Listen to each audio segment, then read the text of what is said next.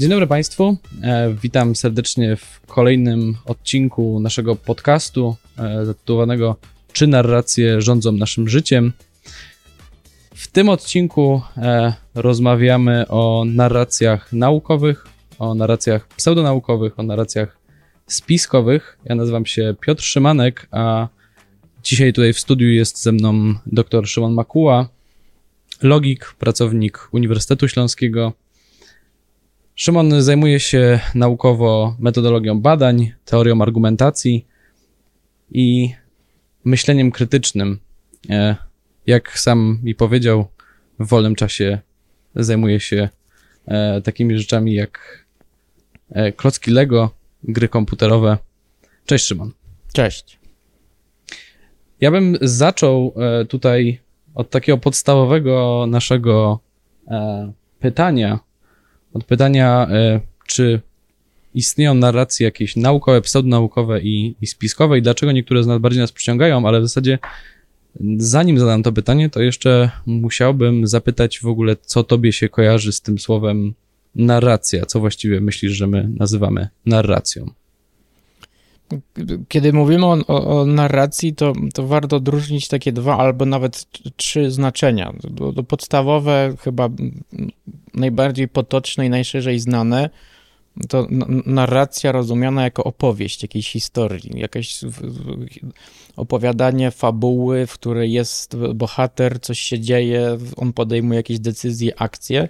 No, drugi sposób myślenia o narracji, chyba rzadziej występujący, pochodzi z, z retoryki i od, od autora Cycerona. Tak, Cyceron mówił, że w, w pewnym momencie, kiedy retor posługuje się słowami, to pojawia się narracja jako ta część wypowiedzi, w której my przedstawiamy jakieś fakty. No i trzecie rozumienie słowa narracja, no to chyba ma, ma, ma korzenie filozoficzne w, w postmodernizmie, kiedy mówimy o śmierci wielkich narracji, czyli o, o takim niewypale, czy, czy, czy sytuacji, w której e, wielkie światopoglądy czy systemy filozoficzne po prostu się skończyły, stały się niewydajne, jeśli chodzi o opis rzeczywistości. Więc tu, tu warto było odróżnić te trzy, trzy, trzy rodzaje narracji. Czyli no, jeszcze raz, narracja jako fabuła, e, narracja jako przedstawienie pewnego zbioru informacji i narracja jako pewien światopogląd. No i właśnie w kontekście nauki zaczniemy pewnie w ogóle od, od nauki, to chyba te dwie ostatnie narracje, e, dwie ostatnie rozumienia są jakieś tutaj najbardziej istotne. No właśnie, na przykład jak to jest z tymi wielkimi narracjami? Znaczy, czy w nauce w ogóle mamy jeszcze do czynienia z jakimiś takimi, mm, powiedzmy, bardzo dużymi e, przekazami, które próbują naraz ogarnąć wiele różnych dziedzin, czy wszystko to jest takie bardzo rozproszone? No, na, nauka się przede wszystkim specjalizuje, więc ciężko powiedzieć, żeby nauka dostarczała jakiejś jednej takiej narracji. Można ją odtworzyć czy spreparować na podstawie wiedzy naukowej. Jeśli mówimy o narracji w tym trzecim sensie, można zbudować na podstawie wiedzy naukowej naukowy światopogląd, czyli pewien ogląd na rzeczywistość zgodny z wiedzą naukową. No to w tym sensie można mówić o narracji naukowej. No i, ale czy to będzie wielka narracja, to ciężko tutaj stwierdzić. No, na pewno w tym sensie możemy mieć narrację. W, w, drugim sensie, o którym wspomniałem, też, tak jak powiedziałeś, mamy do czynienia z narracją w nauce, no bo po prostu nauka, teorie naukowe przedstawiają nam zbiory faktów, więc tutaj narracja w tym sensie retorycznym będzie obecna. Myślę, że na, dla nauki najbardziej krzywdzący jest ten pierwszy, pierwsze znaczenie. Jeśli łączymy naukę z tym, z, fabułą, czy z narracją rozumianą jako przedstawianie fikcji, no to, to nauka tutaj no, jest deprymowana w ten sposób, no bo nauka nie, nie dostarcza nam fikcji, tylko oglądu. No i też to stwierdzenie w, w sensie potocznym narracja nam się kojarzy z wielością. Jest wiele różnych narracji, jest wiele fikcji. Jest wiele książek science fiction, które mają na przykład swoje, swoje narracje, no a, a nauka w ramach danej dziedziny dąży do ujednolicenia się, tak? do, do, do wytworzenia konsensusu i w tym sensie nie ma wielu narracji w nauce. Mhm. Ale w tamtych dwóch znaczeniach są, są narracje. Jak najbardziej można tutaj mówić o takiej o obecności narracji jako zbiorze faktów i, i o pewnym światopoglądzie zbudowanym na, na wiedzy naukowej. Tu można taki termin wprowadzić. Czyli w pewnym sensie w nauce mamy do czynienia z jakimś ogólno pojętym jakimś przekazem. E, jest tam, tam zbiór pewnych informacji, nazywamy go narracją, ale też zapewne zdarzają się w ogóle takie jakieś powiedzmy pochodne teorii naukowych, które mają taką w ogóle strukturę opowieści. W tym sensie, jeżeli ktoś na przykład zada pytanie o to, um, skąd wzięła się na przykład różnorodność życia, powiedzmy, to można na to odpowiedzieć y, przedstawiając jakieś suche fakty na temat doboru naturalnego, ale pewnie można też y, opowiedzieć o tym jakąś historię, prawda? Tak, no wtedy będziemy mieli do czynienia, może ta historia być fabularyzowana i będziemy mieli do czynienia z narracją w takim pierwszym sensie, tylko to, to, to jest przedstawienie informacji naukowej. No, no, I, I tu ważne, to może być bardzo zniuansowana uwaga, ale ważne, żeby odróżnić teorię naukową od, od narracji, która może być sposobem opowiadania tej teorii naukowej, tłumaczenia jej. Choć w pewnych dziedzinach jak najbardziej narracje są obecne, na przykład w historii. No, wynik dociekania historyków jest pewną narracją, bo jest mhm. bohater. No, jak się dowiadujemy, jaka była przyczyna śmierci Juliusza Cezara, no to po, po, poznajemy historię, która ma bohaterów, oni podejmują e, działania i znamy konsekwencje tych działań, więc rekonstrukcja zdarzenia w, w, w, naukach historycznych ma element narracyjny nawet w tym pierwszym sensie, przy czym no, ta narracja nie ma charakteru fikcyjnego, ona nie jest Hmm. Ona nie jest kreatywna, tylko jest pewną rekreacją. Tu, tutaj będzie istotne. No, trudniej o narrację w fizyce, w której mamy jakieś prawo, na przykład powszechnego ciążenia i tu ciężko znaleźć no właśnie, taką tak... Fab- ciężko sfabularyzować. No. Ale tak sobie myślę, że w fizyce spotykamy się z takimi powiedzmy opowieściami na przykład o początkach, tak? Możemy zapytać skąd wziął się Układ Słoneczny, albo możemy jeszcze iść dalej, zapytać skąd wziął się Wszechświat. No i tutaj też e, to pytanie brzmi, czy ta jakaś historia, którą mamy, jest tylko jakimś przedstawieniem faktów, które, które, które udało się ustalić, no czy ta narracja jest rzeczywiście, ma jakoś odwzorowywać to, co się naprawdę wydarzyło. Czy to jest tylko model, czy coś więcej? No na pewno jest model, a jeśli mówimy o narracji w pierwszym znaczeniu, no to model może być przedstawiony za pomocą jakiejś historii. To myślę, że często korzystają z tego popularyzatorzy nauki po prostu. Przedstawiają nam różne historie, posługują się metaforami. No, jest to związane z tym, bo no, my jako ludzie my uwielbiamy historię. To wolimy przetwarzać historię niż suche fakty i, i, i dane liczbowe wolimy wysłuchać opowieści o kimś. No, jesteśmy bardzo e, skupieni na tym. Jeśli ktoś nam przedstawia historię, no to wolimy słyszeć historię niż, czy właśnie narrację, niż całą teorię, która się składa z praw, jakichś założeń, konsekwencji, dowodów. No to jest nudne. Wolimy. No właśnie tutaj w tym podcaście też rozmawialiśmy już z mitoznawcą między innymi na ten temat, dlaczego dlaczego tak nas przyciągają różnego typu narracje, tam były różne to pomysły, a właściwie w sumie jak ty uważasz, y, dlaczego to jest dla nas, y, pewnie jeszcze będziemy do tego w ogóle wracać, ale tak na, na, na start takie pytanie y, też, dlaczego tak te narracje nas przyciągają zamiast suchych faktów? No, narracje nas przyciągają, bo po pierwsze my poznajemy rzeczywistość przez pryzmat historii. No, to, to, taka najbardziej, można powiedzieć, podstawowa czy, czy, czy uniwersalna sfera naszego życia, czyli życie społeczne, jest przez nas postrzegane jako pewien zbiór historii. Mhm. Rodzice nam opowiadają o tym, jak się poznali, e, co babcia kiedyś tam zrobiła na wakacjach. My od małego nasiąkamy różnymi historiami poznajemy historię naszych znajomych. No jak, po, jak, poznajemy nowego człowieka, no to żeby go poznać, poznajemy tak naprawdę historię jego życia. Co on kiedyś robił, co sobie pomyślał, jakich ma znajomych, co mu się przydarzyło. Więc my obcujemy cały czas jakimiś historiami. życie społeczne jest ciągłą historią ludzi, którzy się kontaktują, wchodzą, są w interakcje, są skonfliktowani, te konflikty łagodzą.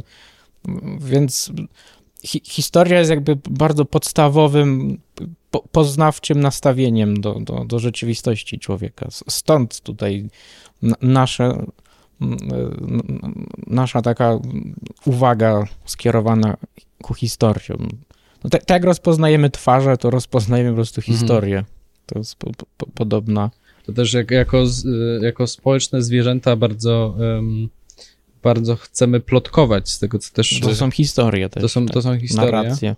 I rozumiem, że te narracje też przy okazji nam po prostu pomagają e, poznać świat społeczny. Tak, w sensie, no tak. że e, możemy stworzyć jakąś e, narrację, która jest oparta na przykład o, o tym, co wiemy o czyichś stanach jakichś umysłu, który on ma o tym, czy jest na przykład y, zły, smutny. No i dokładnie. Opowiedzieć historię, w której jakoś spójnie y, na podstawie tych emocji, które on czuje, domniemujemy, czemu coś zrobił, tak? Na przykład. Tak, prawda? albo czy możemy komuś zaufać, bo ktoś nam powiedział, uważaj na, na mhm. Mariusza i my teraz, bo, bo Mariusz obiecał, że mi odda pieniądze, a mi nie oddał pieniędzy, no i my teraz wiemy, że przy założeniu, że ta historia była prawdziwa, no to już Mariuszowi raczej nie pożyczymy pieniędzy, bo Mariusz nie jest godny zaufania, a na przykład, że Alicja jest godna zaufania.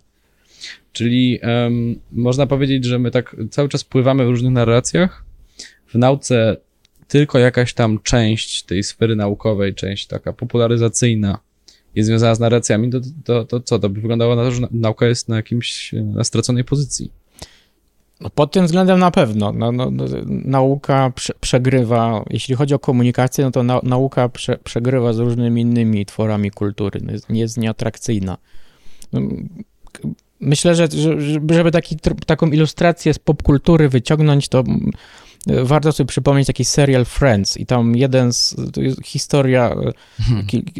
grupy przyjaciół, którzy mieszkają w Nowym Jorku, jeden z nich jest właśnie naukowcem. Ross y, się nazywa. No i on, on, on jest naukowcem, jest paleontologiem, jest traktowany w tej grupie jako najnudniejszy ze wszystkich. To, to jest jedyny, to, tak z punktu widzenia... I śmie, śmieją się z niego, że nie jest prawdziwym doktorem. I śmieją się, tak, no i śmieją się z niego, ale to, jeśli się nad tym zastanowić, no to to jest w zasadzie jedyny człowiek w tej grupie, który ma coś ciekawego do powiedzenia. No bo Rachel na przykład co ona? No ona się orientuje po ile sukienki są w sklepie. No to, te, te po, Chandler no jest zabawny, ale te postacie to są zwykli ludzie tacy. A, mhm. a, a, jak on się tylko odzywa i opowiada o czymś i on przedstawia jakieś fakty o dinozaurach na przykład, no to oni wszyscy od razu zasypiają sobie. Tak. No więc nauka jest jak ten roz. Oni wszyscy opowiadają historie ciekawe ze swojego życia. Właśnie ci, wszyscy ci przyjaciele posługują się narracjami bo mówią, co im się przydarzyło, a jak on opowiada o faktach z życia dinozaurów, albo że tam jakieś skamieliny ciekawe wykopał, no to nikt nie chce słuchać, bo tam nie ma narracji. I, no i tak też w ogóle to, to jest przy okazji taki trochę y, odskocznia od głównego tematu, ale to jest w ogóle też ciekawy temat, jak się w ogóle pokazuje naukę w narracjach. Tak, to jest już taki trochę poziom meta, że w ogóle y, w różnych narracjach nauka też nie jest prezentowana jakoś bardzo, powiedzmy, w superlatywach. No mamy taką, taką figurę szalonego naukowca. Albo tak. nauka, z nauką poszło coś nie tak i naukowcy wyprodukowali wirusa, który został wypuszczony, albo właśnie mamy do czynienia z szalonym naukowcem, który chce zrobić coś złego. A, a, a jak nawet jest jakiś naukowiec, który chce zrobić coś dobrego, no to zawsze przychodzi jakiś osiłek i, i, i on i tak, tak. ostatni guzik naciska albo szczela, albo komuś daje po twarzy. No.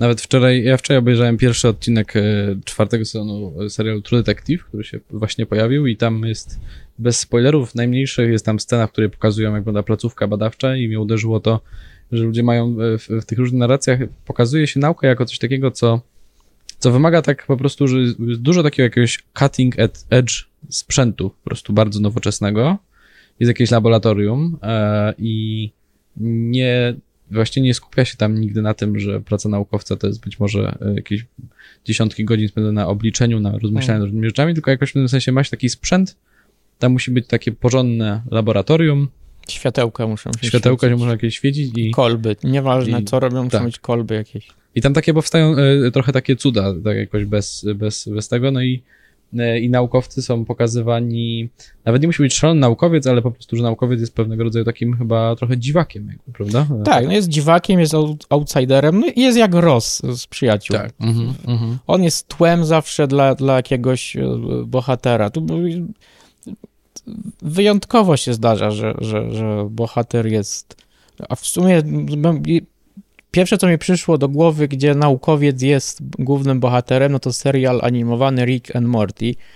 Ale Rick jest genialnym naukowcem, ale to chyba nie jest do końca pozytywna postać. To No, by- właśnie. Ale Indiana Jones, Ale on jest takim. Ale my oglądamy przygody właśnie, które są narracją. My nie oglądamy, jak Indiana Jones siedzi i przegląda książki, No czyta tak, artykuły i tak. wymyśla interpretacje hieroglifów, tylko jak on biega z biczem i, i, i szczela do, do gości z mieczem to, i do Tak, nazistów, więc chociaż, chociaż ktoś zauważył, że to, to, to być może pierwszy taki bohater w, w wielkim takim kinie światowym, który, który mm, jakby bardziej niż, niż na przykład bardziej niż jakąś rozmową, rozmową z, ze swoją partnerką jest zainteresowany tym, żeby otworzyć jakąś tajemniczą e, skrzynię, odczytać jakieś tajemnicze napisy i Tak, tak dalej, więc tak, jest takim... na e, pewno tutaj, Jest, jest niby macho, a ja jest nerdem takim, prawda? Trochę. no ale jest takim nerdem, ale no właśnie, tak, ten, to, to jego bycie nerdem jest na drugim planie, mi się wydaje. Tak. Jest, to, jest, to daje, dodaje takiej pikanterii do takiego klasycznego bohatera, ale nadal nie jest.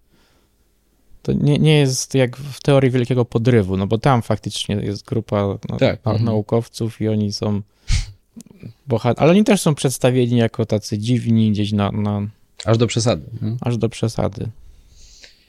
No dobra, to wracając e, do tej nauki, ona jest trochę takie na takiej straconej e, pozycji, no ale mamy też takie, zresztą powiedziałeś wcześniej, powiedziałeś, nauka to jest część naszej kultury, ja się zastanawiam, czy nauka jest częścią kultury, czy właśnie nie jest przypadkiem tak, że ona, ona tak bardzo odstaje od kultury przez swoją syntetyczność, że tak trudno nam jakoś wpada do mózgu w porównaniu do narracji. No Ale to free jazz też wpada trudno do, do mózgów ludziom, a jest częścią kultury, więc To prawda, tak, tak. jest wytworem ludzkim nauka. No i, i, I też w sumie bez precedensu powstała e, w, jednym tutaj geograficznym zalążku świata, a potem się rozlała na inne. Nie używając przemocy w zasadzie, no bo, Mhm. bo inne twory kultury często e, ludzie zarażają innymi rodzajami tworów kultury przemocą, a, albo różnymi środkami perswazyjnymi, no a nauka się rozlała jakoś tak p- pokojowo, Mhm. jakby sama z siebie. No po prostu jest to fenomen, który polegał na tym, że no, lu, lu, ludzie zaczęli zauważać to samo, co inni, Mhm. korzystając z pewnych tutaj te- teorii, hipotez, no to działało. No tak jak samochody wszędzie tak samo jeżdżą, ta, tak samo się wszędzie Hmm. interpretuje kolor papierka lakmusowego, no to Ale jest, ale jest taki element jakiś, który mi też przyszedł teraz do głowy, że taka powiedzmy może jakaś hipoteza, zresztą są, są na przykład naukowcy, ja to trochę zjadę w stronę też moich zainteresowań, są naukowcy, który, którzy uważają na przykład, że, że religijność jest czymś takim, co jakoś tak do naszego mózgu się tak dość łatwo przykleja, ponieważ jest, religia jest w ogóle wyposażona w takie elementy, które są dla nas wyjątkowo intuicyjne, takie wyjątkowo powiedzmy łatwe do przyswojenia, natomiast nauka Nauka trochę polega na tym, że my nieustannie musimy się zatrzymywać w naszym intuicyjnym myśleniu. Właściwie na tym, na tym jakby cała rzecz polega, żeby się zatrzymywać w tym, co nam intuicja podpowiada i mówić sobie, może tak jednak nie jest, tak? E, Słońce nie chodzi po niebie, zatrzymajmy się w tym, może jednak to, to, to Ziemia krąży wokół Słońca. No, religia jest wszędzie. Religia była wszędzie, bo no, ty, ty jesteś lepiej zorientowany ode mnie, ale chyba nie, nie ma rejonu i momentu w historii, gdzie, w którym żyli ludzie i nie wyznawali jakiejś religii. Bezpiecznie powiem, że chyba nie. No właśnie, przecież no nie, nie, nie, nie, poznaliśmy takiego. No, a przez większość czasu i, i przez większą część historii ludzkości nauki nie było. I, I to, co powiedziałem, że nauka się rozlała, to ona się nie rozlała w takim sensie, że wszyscy mają wiedzę naukową, tylko ona, ona rozlała się w tym sensie, że w, w różnych społeczeństwach, w różnych zakątkach ludzi no, pojawili się ci rosowie wśród tych przyjaciół I, i ona się rozlała między pewnymi jednostkami, mhm. a, no, a religia jest powszechnie występującym tylko tak jak e, religia występuje we wszystkich społeczeństwach, to występuje w różnych postaciach, a nauka tak jak występuje e, w pewnych, u niektórych przedstawicieli różnych społeczeństw, ale w tej samej postaci. Tam z grubsza oczywiście, no bo nauka nie jest tutaj też takim jednolitym tworem, mhm. Ale no na pewno jest pod tym pod względem takiego ujednolicania myślenia, no jest wyjątkowym tworem mhm. kultury. No i ma takiego trochę, można powiedzieć, oponenta w tym ma. momencie. E, I tak e, dużo się o tym teraz mówi. Jest ta sfera e, fake newsów, sfera mm, różnych tych dezinformacji, czy to celowej, czy takiej, którą po prostu trochę sami wpadamy. No i jest sfera czegoś, co się nazywa pseudonauką. Ja mam takie zupełnie osobiste wrażenie, że, że jak z, z wieloma takimi ter, terminami trochę ten termin się, się rozlał, i na przykład, co, co dla ciebie jest e, pseudonauką właściwie? No, termin pseudonauka jest skomplikowany, bo e, ten termin jest relacyjny do terminu nauki, a do terminu nauka, a sam termin nauka jest terminem skomplikowanym. No, nie ma czegoś takiego jak nauka po prostu. Tak naprawdę jest wiele nauk. Jest to mhm. pewna rodzina różnych sposobów myślenia, które są do siebie podobne, ale ciężko znaleźć jakiś jeden taki rdzeń, który by je wszystkie łączył. nauki są do siebie podobne, tak jak są podobni do siebie członkowie rodziny. Mhm. Że brat jest podobny do siostry, siostra jest podobna do mamy, ale na przykład już brat do mamy jest mniej podobny niż ta mhm. siostra, tak? W, w, tym sensie. Więc znajdziemy takie podobieństwo rodzinne między różnymi dyscyplinami naukowymi. No, i, I przez to, że tak samo jest z pseudonauką, jest wiele różnych odmian pseudonauki, też jest ciężko powiedzieć, co by miało być takim jednym wspólnym elementem wyróżniającym pseudonaukę. No bo, jeszcze musimy odróżnić naukę od pseudonauki, naukę od, od nienauki. Mhm.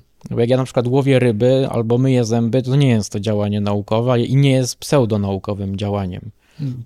Ale na, na, pewno, kiedy dokonuję eksperymentu na uniwersytecie i wlewam do probówki kwas, no to wtedy do zasady jakiejś, którą mam w tej probówce, no to uprawiam naukę.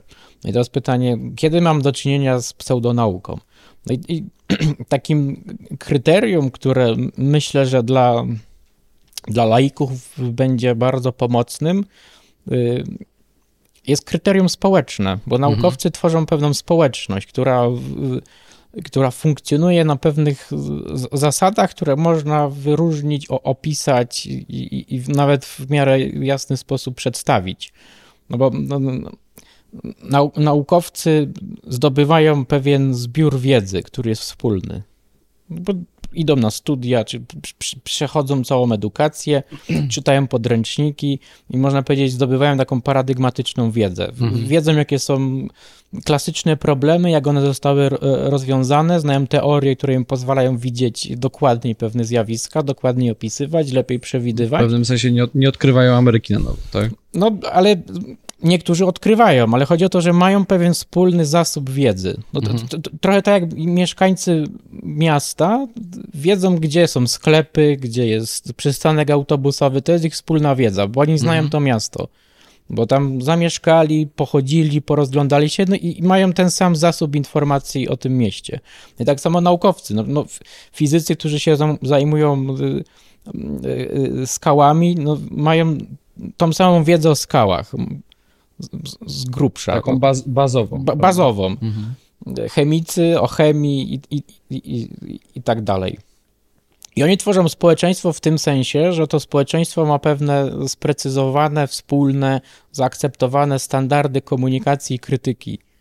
Naukowcy się komunikują ze sobą no nie w mediach społecznościowych, nie nagrywają filmików na YouTubie. Chociaż też. Też, ale to nie jest jakby, to nie jest podstawowa domyślna to jest opcjonalna forma komunikacji. Mm. No, naukowcy oczywiście używają Twittera i tam mówią, że o, tam ktoś napisał fajny artykuł, ale nie, nie komunikują swoich odkryć czy pomysłów w, w, w tych platformach, tylko w czasopismach naukowych. Mm.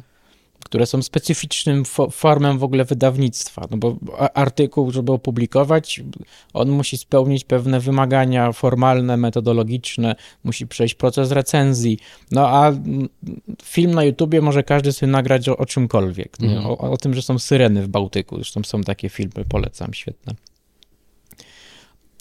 I poza tym, że, że mamy pewien wyznaczony kanał komunikacji, który jest transparentny, to mamy pewien sposób komunikacji. No bo naukowiec chce, jak chce przekonać innych do jakiejś swojej teorii, hipotezy, no po prostu pokazuje dowody, jakie ma. Mhm. Tak, no, no, on się nie powołuje. No ja tu jestem tam, nie, ja się nazywam Albert Einstein, jesteście cienkie bolki i tutaj musicie mi wierzyć na słowo. No nie, no on poka- mam tutaj teorię, która rozwiązuje problem, wiemy dla, pewne obserwacje, których nie wiedzieliśmy, dlaczego je obserwujemy, moja teoria rozwiązuje, sprawdźcie to, no i wszyscy inni sprawdzają ale sprawdzają to wszyscy w ten sam sposób. Jest pewna zgoda co do tego, co do pewnego rygoru dowodzenia. Oczywiście ten rygor dowodzenia w różnych dyscyplinach się różni, no bo nie ma czegoś takiego jak jedna metoda naukowa, jest wiele metod naukowych, ale no fizycy mają pewien swój sposób uznawania twierdzeń, oceniania dowodów. Chemicy mają swój, w medycynie jest inny, w socjologii, psychologii. Oczywiście te metody się różnią jakby konkluzywnością, bo niektóre są pewniejsze, inne są mniej pewne. W matematyce dochodzimy do. No, w matematyce mamy doskonały przykład, który nam gwarantuje no, tutaj, no to, to jest radykalny, można powiedzieć, rodzaj dowodów, które nie występują nigdzie indziej. To, mhm. to dowody for, formalne nam gwarantują prawdziwość konkluzji na podstawie prawdziwości przesłanek. No takiego rodzaju dowodu to w zasadzie ciężko szukać poza matematyką i pewnym tam w niektórych przypadkach w, w, w fizyce. No czyli, i... czyli, e, czyli pseudon, pseudonauka to um, mini, pewnie minimum to jest to, że jeżeli e, coś znajduje się w dobrym, recenzowanym czasopiśmie naukowym, to, to spada szansa na to, że to jest pseudonauka. Tak, Oczywiście nie jest to wykluczone, mhm. ale Oczywiście. im lepsze czasopisma, no bo czasopisma się różnią. Tu, tu, nauka trochę przypomina z jednej strony sport, a z drugiej strony orkiestrę symfoniczną.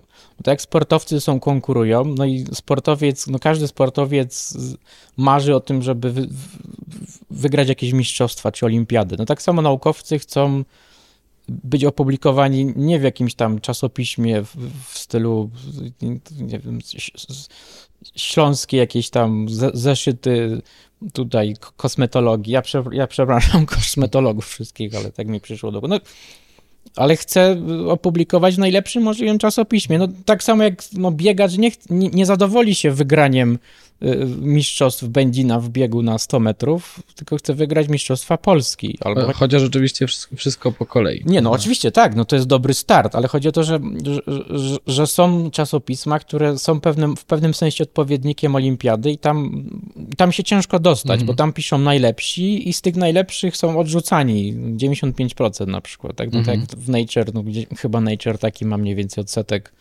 E, taką ma segregację, tak?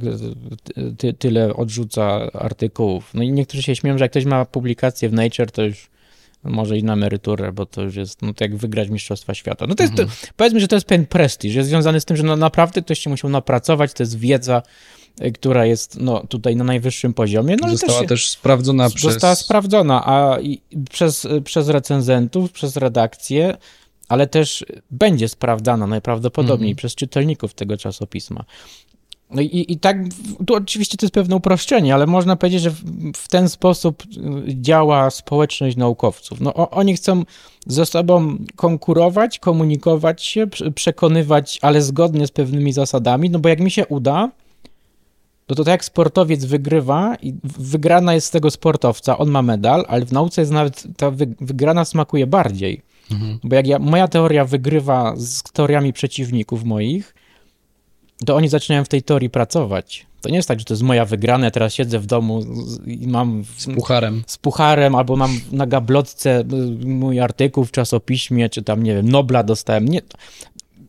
Wszyscy, ci, co na, którzy mnie nie lubili, nienawidzili mnie, tak myśleli sobie, a ten tam y, a, tego Einsteina, to mu my tu pokażemy, jakie głupoty on powymyślał. No i oni nie mają wyboru.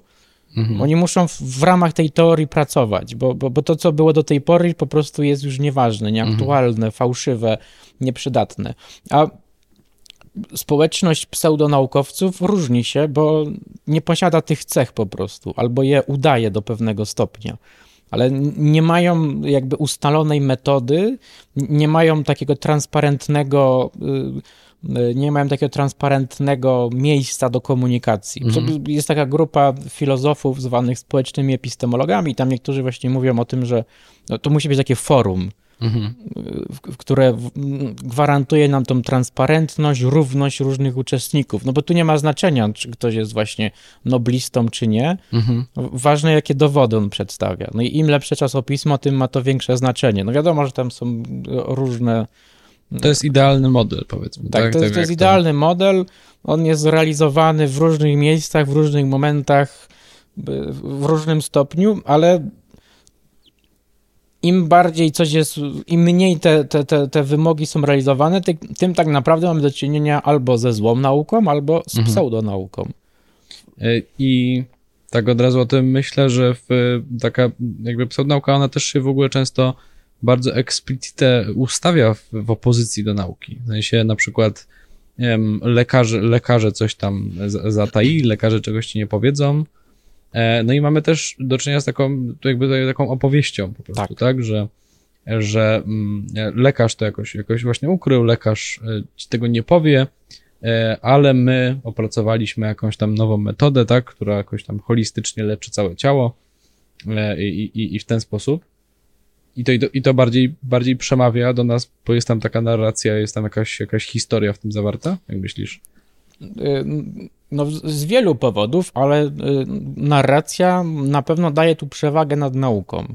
Zresztą, y, żeby nie szukać daleko, wybuch pandemii nam to pokazał. Mhm bo wybucha pandemia, my wszyscy jesteśmy zaskoczeni, nikt się nie spodziewał, chociaż no jak ktoś by tam sobie poczytał epidemiologów, no to oni nawijali o tym od, od 20 lat, że musimy się przygotować, bo to, to nie wiemy kiedy, ale im dłużej zwlekamy, tym mhm. większe jest prawdopodobieństwo, no i przewidujemy, że będzie za jakiś czas kolejna taka, może lżejsza, może trochę gorsza, ale nieważne. No i w tym momencie Mamy dwie, dwie grupy, e, dwie grupy, czy dwa, dwie grupy ludzi próbują się komunikować z nami, czyli ze społeczeństwem laików, którzy nie mają pojęcia o wirusach. No bo mhm. kto z nas wie o wirusach tyle, co wakcynolog czy, czy epidemiolog. No jakbyśmy mieli podejść do egzaminu e, i mówić o epidemiach, no to byśmy nie zdali, tak? Ani ja, mhm. ani ty, ani słuchacze, no kto z nas? No bo się nie znamy. No nie, nie ma nic z tym złego, bo się nie da znać na wszystkim. No i mamy dwie grupy, które się próbują z nami komunikować. Fachow, fachowców od, od wirusów, epidemii, szczepionek i oni się komunikują tak, są przyzwyczajeni do komunikowania się z innymi ekspertami. Oni mhm. się komunikują z nami tak, jak się komunikują z innymi w czasopismach, a tam się nie opowiada historyjek, tam nie ma bohaterów, tam są suche dane, fakty, wszystko ma być przejrzyste i oni popełniają błąd, bo myślą, że, jak, że, że, społeczeństwo jest niedoinformowane i tu mają rację, ale myślą, że jak doinformują społeczeństwo, no to jest po sprawie. Mm -hmm. A społeczeństwo jest niedoinformowane, ale społeczeństwo też nie wie, jak te infor informacje przetworzyć, mm -hmm. bo one są podane w formie surowej, obcej nam, a z drugiej strony słyszymy, że Bill Gates stworzył wirusa. -hmm po to, żeby depopulować. I to jest, to, to jest historia, którą każdy z nas może sobie łatwo wyobrazić. Ale każdy z nas nawet... ten motyw y, spiskujących, mhm. tak? Zaciera, zaciera ręce z Bill Gates, koncerny farmaceutyczne dają lekarzom no pieniądze, żeby w, w szczepionkach był, były jakieś y, chipy, czy tam cokolwiek, coś złego, bo tam nawet nie wiadomo do końca, co miało być złego. Ale jak powstają wirusy? Czym są wirusy? Czy one żyją, czy nie żyją? To powoduje taką sytuację w sumie ambiwalencji. Ja nie wiem, jak sobie poradzić z tym. Nie rozumiem tej mhm. rzeczywistości. A historia prosta, a tam kolega Mariusz przeszedł COVID-19, nic mu się nie stało, więc mhm. mamy anegdotę, historię, opowieść o tym. I to nas zadowala. Bo oczywiście są inne jeszcze powody, ale tak, tutaj nauka przegrywa z historią, bo mhm. historia jest łatwiej przyswajalna. Że to nawet nie, nie, nie trzeba e, nie trzeba nawet sięgać do mm, takich, takich właśnie teorii spiskowych, tylko, tylko tak jak mówisz z, z tym, kto przed COVID nic mu nie było, albo po prostu, że gdzieś jest taka plotka chodząca historia o tym, że jakiś tam że jakiś tam grabarz to pochował ileś tam osób z COVID-em, e, ale że one tam wcale nie były tam chore na ten COVID, tylko na coś innego i tak dalej, to potem się, się rozchodzi e, i włącza nam się chyba co, lampka alarmowa taka, zagrożenie jakieś jest, tak? To znaczy, a, a jeżeli mamy w coś, jeżeli mamy do dyspozycji w coś uwierzyć albo nie, ale jeżeli uwierzymy, to jakoś się zabezpieczymy przed jakimś zagrożeniem, prawda? To chyba też chętniej w to wierzymy ogólnie. Tak, ale jest to związane z, z tym, co ja muszę zrobić, żeby przed tym zagrożeniem się, się obronić. Ludzie mają tendencję do takiego optymizmu poznawczego. Myślimy, że mnie jakieś konsekwencje negatywne nie dosięgną. Mhm. Palimy papierosy i myślimy, a no ja nie dostanę raka krtani przecież. Mhm. Jeździmy samochodami bez, bez pasów, bo no ja przecież ja jeżdżę nieźle. Ktoś nie chodzi w masce, no bo przecież ja się nie zarażę, albo ja nie dotykam oczu. No wystarczy sobie sprawdzić, ja sobie sprawdziłem, tak z ciekawości włączyłem sobie kamerę, jak pandemia się zaczęła i byłem ciekaw, kiedy na przykład sobie wsadzę palec do oka, jak tak Mhm. Jak zapomnę o tym, że Nag, nagrałeś się. Tak? nagrałem mhm. się. No i, i, i, i, chyba tam, nie wiem, 7 sekund to trwało, zanim sobie wsadziłem palec do oka, tak zupełnie bez, mhm. bezwolnie, więc no ale nam się wydaje, że na, nam, na, nam, na, nam nic się nie stanie złego, więc tu, tutaj jest problem z tym. Jeśli chodzi o samo motywowanie, zagro czy, czy zagrożenie nas motywuje tutaj do, do obrony, no to zależy jakie to jest zagrożenie, zależy jak ono jest y, poważne. Mhm. Bo gdyby wirus sprawiał, że nie wiem, że ludzie nagle puchną i wybuchają na ulicy, no to tak, no tak, to byłaby. To, to, by, to byśmy panika. się bali, ale jak gdzieś ktoś tam sobie kaszle, a jak to jest grypa, a jak znika gdzieś w szpitalu pod tym respiratorem, ale to tylko tam kilka procent ludzi, no to w mhm. sumie. W tym sensie COVID trochę wpadł w taki jakiś idealny taki, mm, taki, taki sweet spot, takie miejsce, w którym był, był na tyle dużym zagrożeniem, żeby, żebyśmy naprawdę naukowcy mogli jakby, jakby powiedzieć, że to jest poważna sprawa, ale na tyle był mało taki doświadczany przez ludzi, tak w porównaniu do jakiejś, nie wiem, grypy hiszpanki albo jakichś wielkich zaraz. No bo że... to MERS 2 chyba się nazywał. Mhm. To... Tak. On zabijał 50%, jeżeli dobrze pamiętam, mhm. ludzi. Bardzo mhm. szybko. No ale I tu, tu, tu, tu, tu, na marginesie można tym przykładem pokazać zderzenie właśnie y, umysłu laika i eksperta, bo dla laika informacja o tym, że wirus, który zabija 50% ludzi, jest jednoznaczna z tym, że to jest groźny wirus. Mhm. Dla eksperta to nie jest groźny wirus, bo to znaczy, że on to robi szybko, ludzie nie są w stanie go roznosić mhm. i w liczbach y, tutaj względnych on faktycznie zabija więcej, ale bezwzględnie on zabije mniej ludzi, bo łatwo izolować takie no tak. przypadki. Tak.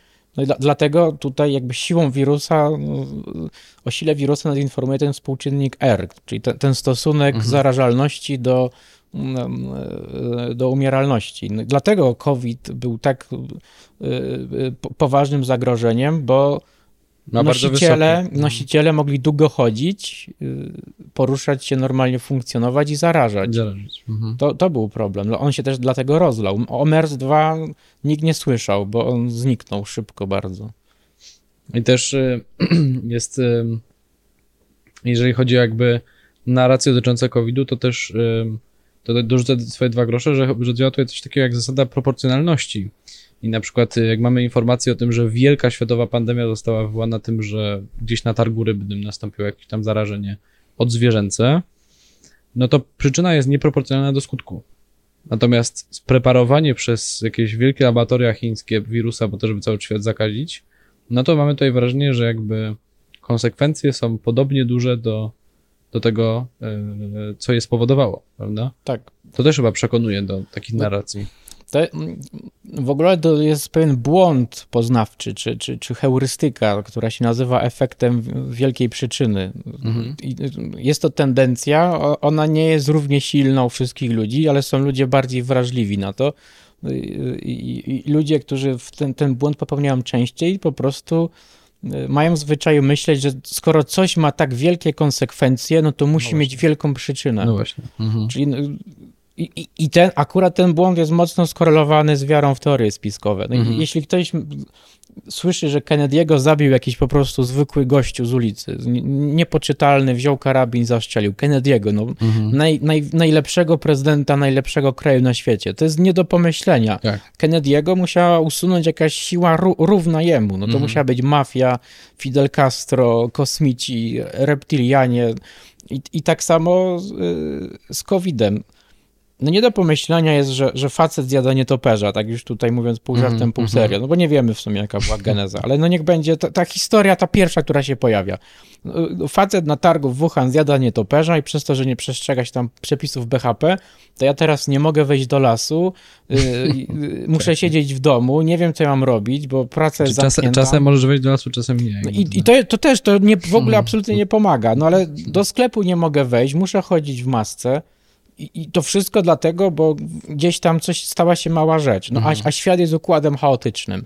No, no nami rządzi efekt motyla. Teoria chaosu. Teoria prostu, chaosu. No i i to jest świetny przykład. Facet zjada nietoperza i, i padają gospodarki pod, na drugiej Mhm, stronie p- półkuli. No ale jeśli ja mam tendencję do myślenia według tej heurystyki, że wielkie skutki mają wielkie Mhm. przyczyny, no to, to ja nie mogę w to uwierzyć. Musi być wielka przyczyna. To nie może być tak, że gościu zjada nietoperza, tylko Chiny. Tak, albo no Bill i Gates, albo Chiny i Bill Gates, reptilianie. zarazy też, też bardzo często w ogóle bywały w historii czymś, co jakby no, zsyłają na nas bogowie Tak. celowo. Tutaj też się pojawiały w Polsce te, te narracje na ten temat właśnie. E, No, no jest to, wydaje mi się, jakieś takie ba bardzo po prostu mm, przekonujące, żeby, że właśnie ta taka, ta, ta pro- proporcjonalność, te wiel- wielkie skutki gdzieś tam, boże, wielkie przyczyny gdzieś muszą na tym stać. To, to nam daje dru drugą jeszcze rzecz. To jest w ogóle pewna zaleta, czy funkcja adaptacyjna teorii spiskowych, która ma charakter taki terapeutyczny.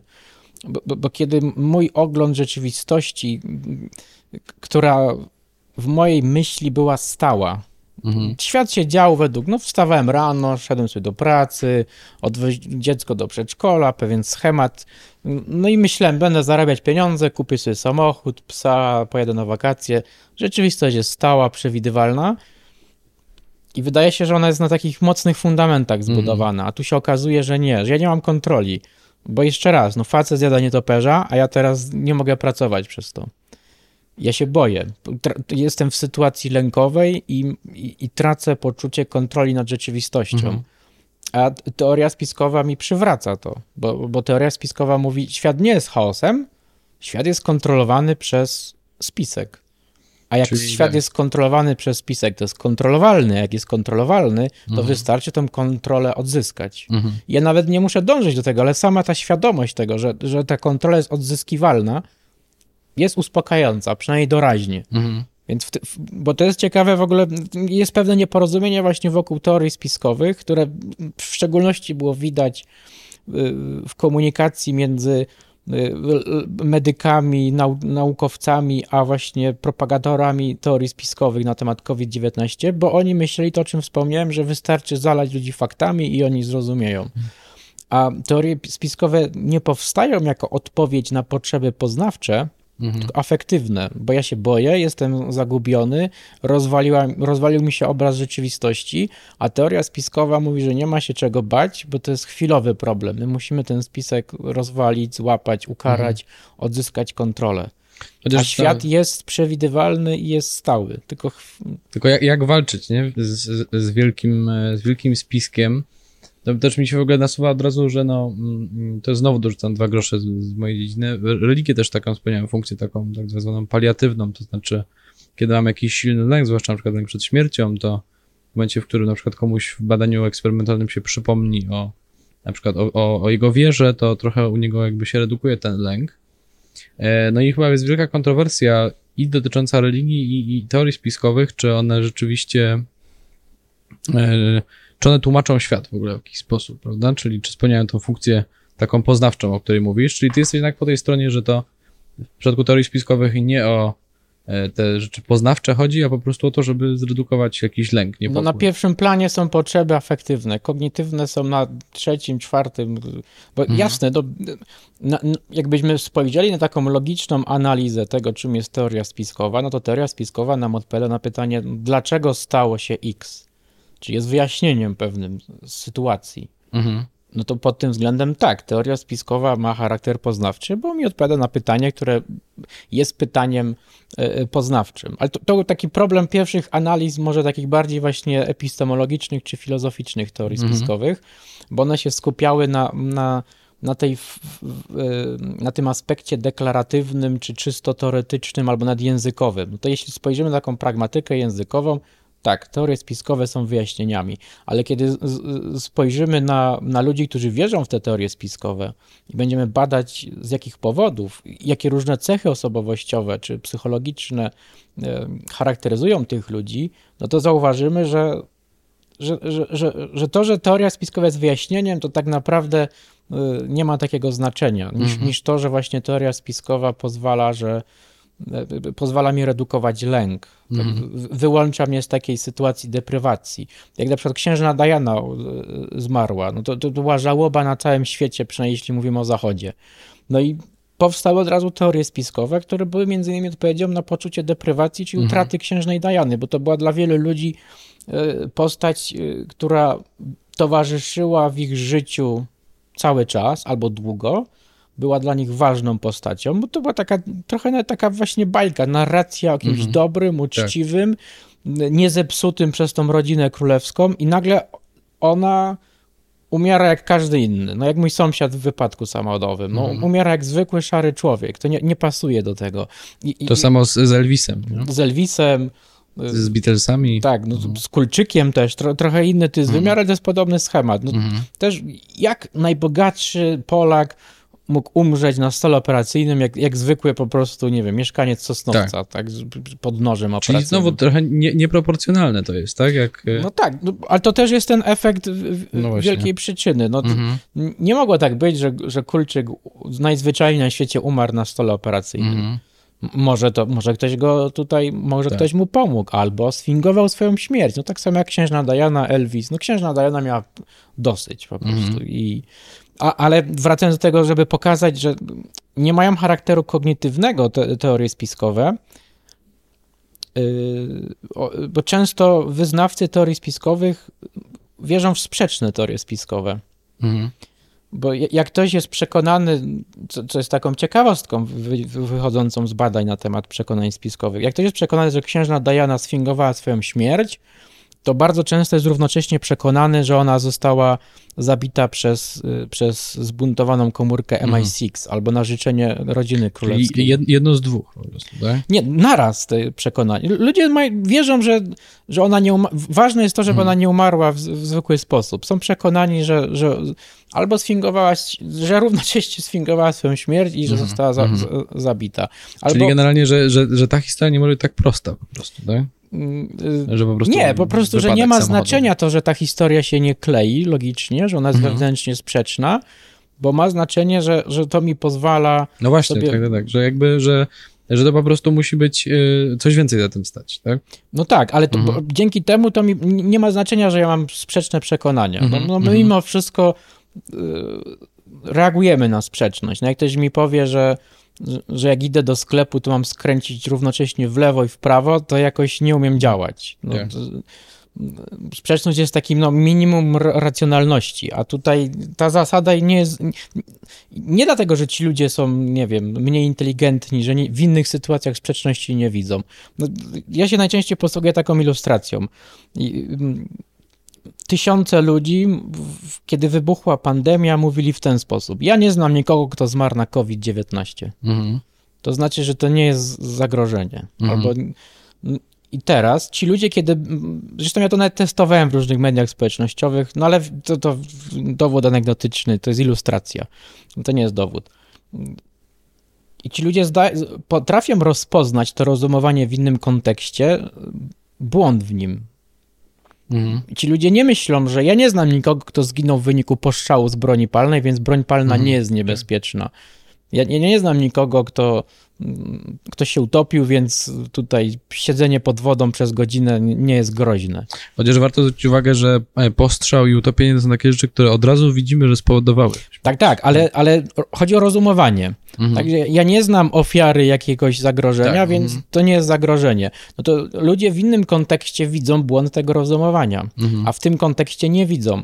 A to, to sugeruje, że to rozumowanie, ono jest wtórne do zaspokojenia jakiejś potrzeby. Mhm. Jest zmotywowane. po One jest zmotywowane i tak, tak ktoś już podjął decyzję, na przykład, że nie będzie chodził w masce, bo nie wiem, bo jest mu niewygodnie. I potem sobie to tłum- I tłumaczy. tłumaczy sobie, Mhm. dlaczego ja nie chodzę w masce, bo ja nie znam nikogo, kto umarł na COVID-19. Mhm, No mhm. to, no bo faktycznie jakby znał, jakby umierali ludzie na ulicy, tak jak mówię, no nagle by, nie wiem, Tak, tak, tak. jak w Willy Wonce pompowali się i wybuchali, no to tak, to, to, to, by, to by ludzie się wtedy bali. Mhm. Ale że to trwa dwa tygodnie i, i, i, i z tych, którzy i tak ciężko przechodzą, też jakiś tam ułamek dopiero umiera, no to takie rozumowanie jest do przyjęcia. Mhm. Mhm. Ale ja, ja widzę niską jakość tego rozumowania, tylko ja już myślę tendencyjnie, bo ja inną potrzebę zaspokajam. Ja już podjąłem decyzję, że na przykład nie chodzę w masce. Mhm. Mhm.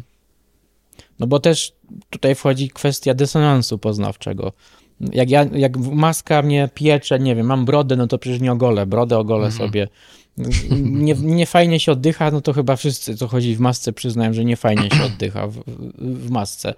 No i teraz jak ja nie chodzę w masce, no to pojawia się taki dysonans, to czy jestem złym człowiekiem, bo ja Albo, zarażam... albo czy jestem zagrożony. Tak? No, a, Mhm. ale, jak ja, ale jak nie ma pandemii, albo, albo, to, albo pandemia jest jak grypa, no tak jak, grypa panuje, to nie chodzę w masce i nikt nie, Mhm. nie ma pretensji. No to nie jestem złym Tak. człowiekiem. Mhm.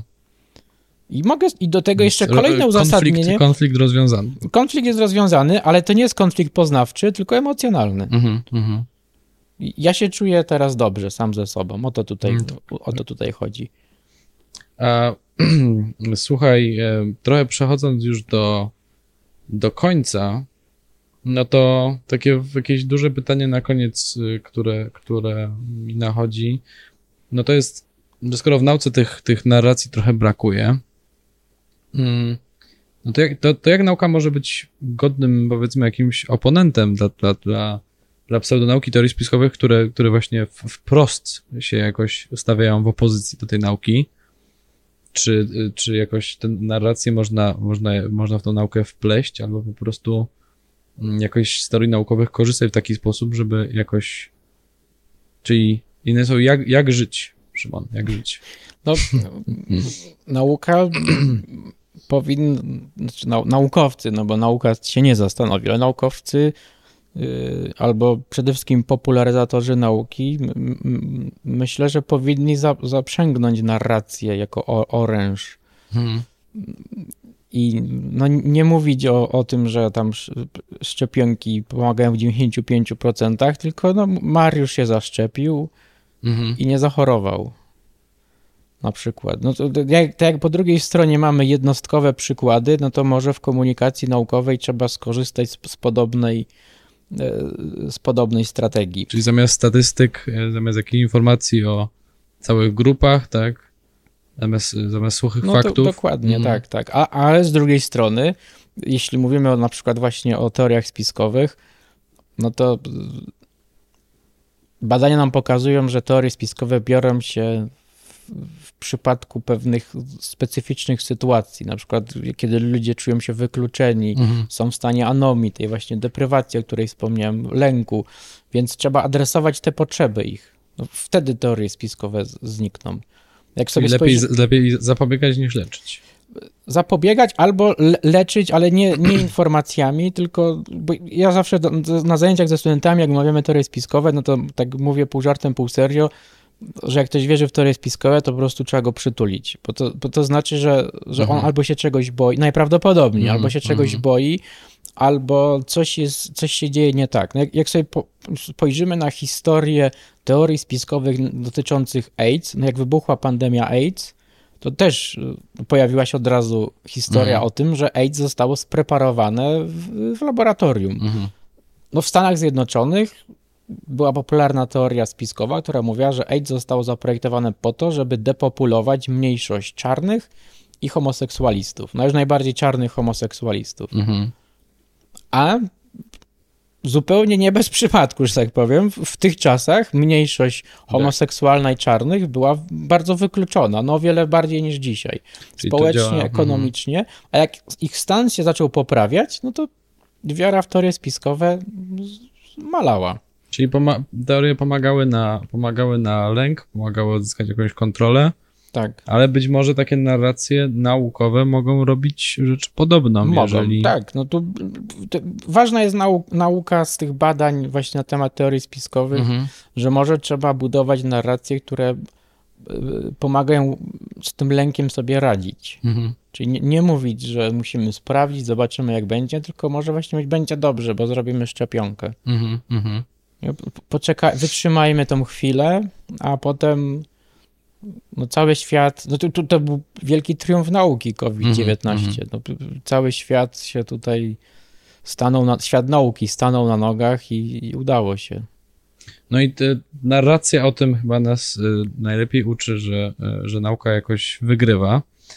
Dobrze, to w takim razie, y, Szymon, bardzo Ci dziękuję za udział w naszym podcaście. Y, Ja zachęcam y, wszystkich y, oglądających do komentowania, do subskrypcji. Nadchodzą kolejne odcinki, będziemy rozmawiać jeszcze więcej o narracjach. E, Dzięki jeszcze raz, Szymon. Dziękuję również za zaproszenie i zapraszam słuchaczy na inne odcinki. Dzięki. Do zobaczenia.